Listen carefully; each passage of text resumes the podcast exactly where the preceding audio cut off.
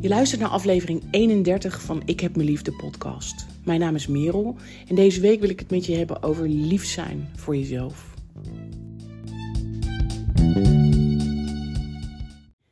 Ja, hallo, een hele goede morgen. Het is nu uh, het is half negen in de ochtend. Ik ben vanochtend lekker in mijn koude badje gaan zitten in de tuin.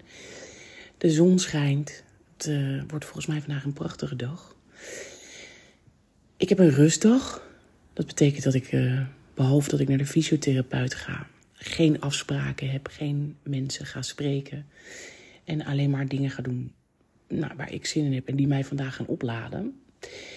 En uh, dat is best lief, hè? Had ik bedacht.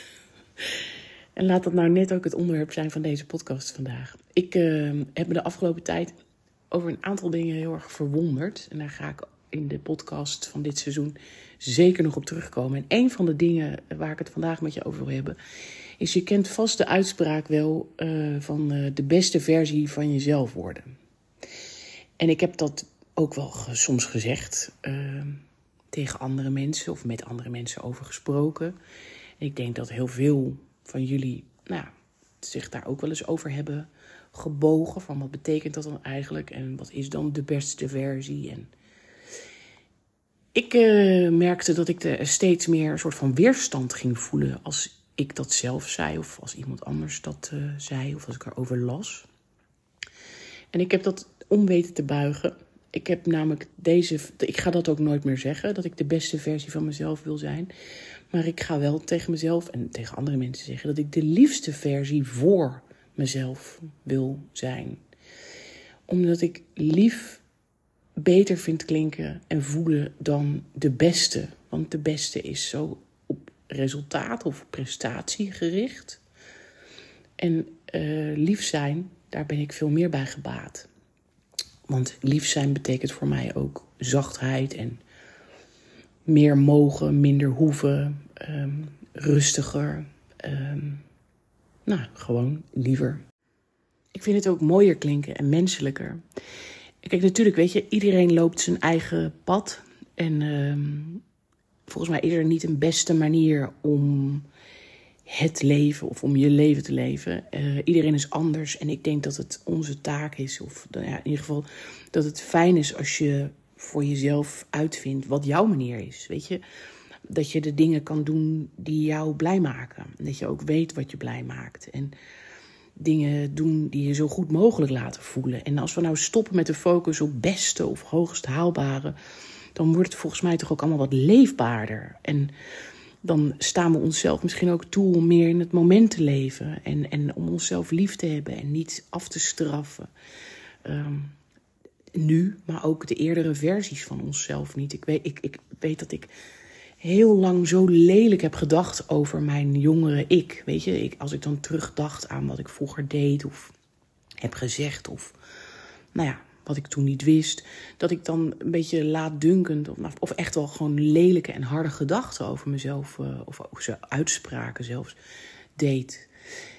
En dat is zo niet nodig, want de persoon die ik vroeger was, heeft me heeft ertoe bijgedragen dat ik er nu zo bij zit. Dat ik nu kan zijn wie ik ben. En alles wat ik heb gedaan en niet heb gedaan en wat ik heb geleerd, heeft mij gemaakt tot de mens die ik vandaag ben. Dus waarom zou ik daar zo lelijk over praten? Dus ik probeer ook met terugwerkende kracht liever voor mezelf te zijn. En ik had het er van de week met Frits over. Dat ik aan hem vroeg van, vind jij mij hard? Of uh, vind je dat ik harde eisen of hoge eisen aan jou stel?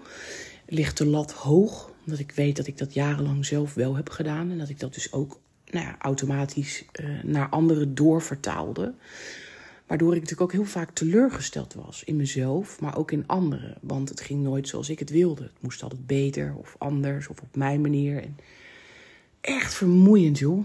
Maar ja, goed, dat is hoe ik toen uh, leefde en in de wedstrijd zat. En voor mijn gevoel ben ik best veel veranderd de afgelopen, nou ja, zeker tien jaar. En ben ik veel liever geworden heb ik mezelf veel meer de ruimte gegeven om te zijn wie ik ben, om dat te mogen ontdekken, om, om dingen niet te weten, om daar ook oké mee te zijn dat ik dingen niet weet, om veel rustiger te worden, om niet overal meer wat van te vinden, om nou, veel vaker te kiezen voor liefde in plaats van handelen vanuit angst. Ehm, om zachter voor mezelf te zijn. Om goed voor mezelf te zorgen. Uh, om bewust te zijn met wie ik me omring, met wie ik praat, waar ik naar kijk, wat ik lees, wat ik doe, waar, ik mezelf mee voed. letterlijk en figuurlijk met eten, maar ook met andere dingen, met informatie, met soorten media, nou van alles. Dus ja, daar heb ik zeker stappen in gezet. Maar goed, ik vroeg het dus aan Frits. En toen was hij stil en toen zei hij: Nee, ik, ik, ik, ik, ik, ik vind jou niet hard richting mij. Hij zei: Maar jij hebt wel een bepaalde hardheid in je. Ik denk wel dat dat de aard van het beestje is. En ik denk dat hij daar ook wel een punt heeft. En ik vertel jullie ook wel vaker over uh, Corrie, mijn papegaai, op mijn schouder. En Corrie is een beetje mijn, uh, mijn ego. Die, uh, Corrie is ook best wel veroordelend. Die vindt veel dingen. En die vindt vooral van mij dingen. Dat ik dingen moet kunnen en volhouden en het goed moet doen. En nou, dat dingen perfect moeten gaan. En Corrie is in de loop der jaren ook iets rustiger geworden en heeft een iets minder harde stem gekregen. Maar zij is er zeker nog wel. En het roze papegaaitje wat daarnaast op de andere schouder is ontstaan, die bestond vroeger niet eens, maar die is wel nu aankomen vliegen. Zij samen zorgen best wel voor een hele mooie balans. Dus Corrie zorgt er op de moeilijke momenten voor. En dan bedoel ik vooral moeilijke momenten rondom mijn ziekte en of moeilijke momenten in het leven dat ik ben gevallen en dat ik moet, weer moet opstaan of wil opstaan. En dan zorgt zij er wel voor dat dat lukt. Maar dat andere papegaaitje, dat kleine roze ding, die is veel liever en die kijkt veel meer vanuit zachtheid. Dus samen zijn zij perfect. Maar Corrie is nog steeds heel groot. Uh, vergeleken met het kleine roze papegaaitje die voor de liefheid staat. En uh, ik denk dat ik dat oké vind. Want het is ook wie ik ben en wat ik ben. En ik denk dat ik ehm, er ook wel een soort van trots op ben. Dat ik dus op bepaalde momenten weet dat ik kan blijven staan en kan doorzetten. En dat ik ook krachtig ben en sterk. Maar ja, de keerzijde daarvan is inderdaad wel dat er een bepaalde hardheid ook in me zit. en daar had ik me vroeger, uh, nou weet ik niet, voel, denk ik dat ik me daar niet zo heel lekker bij heb gevoeld. Wilde ik dat liever uh, beetje wegmoffelen. En nu mag het er zijn. Dus ja, ik heb zeker een harde kant. En waar ik eigenlijk naartoe wil in dit verhaal, is dat uh, ik de komende tijd, dat kan maanden, maar dat kan ook jaren zijn, wil gaan proberen om nog zachter te worden, om nog liever te worden en om die hardheid nou, iets, iets meer naar de achtergrond te brengen. En een mooi voorbeeld wat dit uh, illustreert. Want anders blijft het een beetje vaag geneuzel misschien voor jou. Dat is trouwens niet aardig, vaag geneuzel. Um, anders blijft het misschien een beetje vaag. Is dat ik uh, in een vorige podcast jij hebt verteld over dat ik verslaafd ben aan mijn telefoon. Net als uh, 25 miljoen andere mensen. Maar ik dacht, ik ga er een podcast over opnemen. En dan met name aan Instagram. Ik stoorde me aan mijn eigen gedrag als je die aflevering luistert, dan eh, vertel ik je daar nog veel meer over. En ik wilde daar wat aan doen. En toen heb ik een tijdslimiet op Instagram gezet van een half uur per dag. En ik ben de afgelopen maanden gaan kijken wat er dan gebeurt. Of ik me dan beter zou voelen en of ik dan minder tijd op mijn telefoon zou doorbrengen. En nou ja, gewoon een beetje een soort van experiment. Om heel eerlijk te zijn, ehm, is er niet zo heel veel veranderd ik ben nog steeds veel op mijn telefoon. Ik zit nog steeds veel op Instagram. En elke dag dat. Uh, dat gebeurt niet elke dag, maar wel heel vaak. Elke keer dat mijn app aangeeft dat de tijdslimiet is bereikt, dan negeer ik hem. Dus dan zeg ik gewoon sla over of uh, verwijder limiet. En dan ga ik gewoon door. En dat is natuurlijk best wel heel gek wat er dan gebeurt. Want aan de ene kant weet ik dan, oh ja, ik had bedacht dat ik minder erop zou zitten. En dat ik dat dan niet doe, geeft niet een lekker gevoel. Maar ik doe het wel steeds. En ik haal Instagram meerdere malen per week van mijn telefoon. Dan denk ik, nou, nu mag het wel even wat rustiger. Je hebt nu heel veel gezegd en gedaan. Nu is het even tijd voor andere dingen. ga maar gewoon even weer gewoon leven. En uh, weet je, dus daar zitten bepaalde oordelen in. Van hoe ik vind dat het zou moeten zijn en hoe ik vind dat het eigenlijk zou moeten.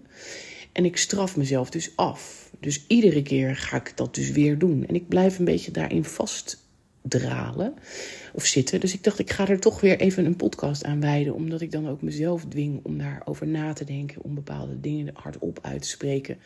Waardoor ik er ook weer anders naar kan gaan kijken. En ik besprak het gisteren ook met een vriendinnetje die hier aan het lunchen was. En ik zei dus tegen haar dat ik daarmee worstel. En dat ik dan daarvan alles van vind. Dat ik mezelf eigenlijk dom vind. Dat ik dat uh, limiet overtreed. Dat ik überhaupt een limiet op moet zetten. Omdat ik zelf niet sterk genoeg ben om die app te kunnen weerstaan. Dat ik nog steeds naar mensen aan het kijken ben die me niet per se voeden. En me ook niet per se een lekker gevoel geven. En toen zat ze me aan te kijken. Toen zei ze: Ik denk dat je hier best wel wat liever mag zijn. Ja. En ik denk dat ze daar een punt heeft. Dus als we hem dan weer even terugbrengen naar het onderwerp van de podcast. De beste versie voor jezelf zijn. Verander ik in de liefste versie voor mezelf zijn. Daar wordt dit een onderdeel van. Dus ik heb vanochtend heb ik de tijdslimiet van Instagram afgehaald. Dus ik krijg nu niet meer de waarschuwing. En ik ga gewoon eens kijken wat dat doet, wat dat me brengt. En dan kom ik daar over een tijdje gewoon nog eens een keertje bij je op terug. En het leuke is, is dat terwijl ik nu wil afsluiten, roept Corrie in mijn hoofd: wat is dit voor een onzin onderwerp? En wat zit je nou te wauwelen over dit en die verslaving? Wees gewoon sterker dan. En ik denk dat dit precies dus aangeeft waar ik nog huiswerk te doen heb. En daar ga ik uh, met heel veel plezier en zachtheid de komende tijd mee aan de slag. En het ook gewoon een beetje lekker laten. In plaats, ik, ik, heb geen plan, ik heb niet bedacht hoe ik dat allemaal ga doen. Maar ik zeg het nu tegen je, ik uh, heb het de eter ingeslingerd en uh, wordt vervolgd. En waar ik mee wil afsluiten is een prachtig gedicht wat ik vanochtend op Instagram zag. Wat zo mooi aansluit ook bij dit onderwerp. En het is in het Engels. Um, ik ga het aan je voorlezen. Het is van. Uh, het account heet Emery Hall. En het gaat zo. Make peace with all the women you once were. Lay flowers at their feet. Offer them incense and honey and forgiveness. Honor them and give them your silence. Listen. Bless them and let them be. For they are the bones of the temple you sit in now. For they are the rivers of wisdom leading you toward the sea. En dan sluit ze af met I have been a thousand different women. Zo mooi.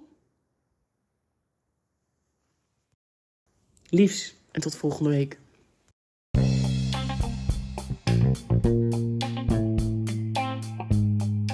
En heb je nou genoten van deze podcast? Volg me dan en like hem op je favoriete podcast platform. Daar help je mij onwijs mee. Als je dat doet, dan zorg je ervoor dat de podcast beter gevonden wordt door andere mensen. En zo kan ik mijn bereik wat vergroten. Geweldig, dankjewel.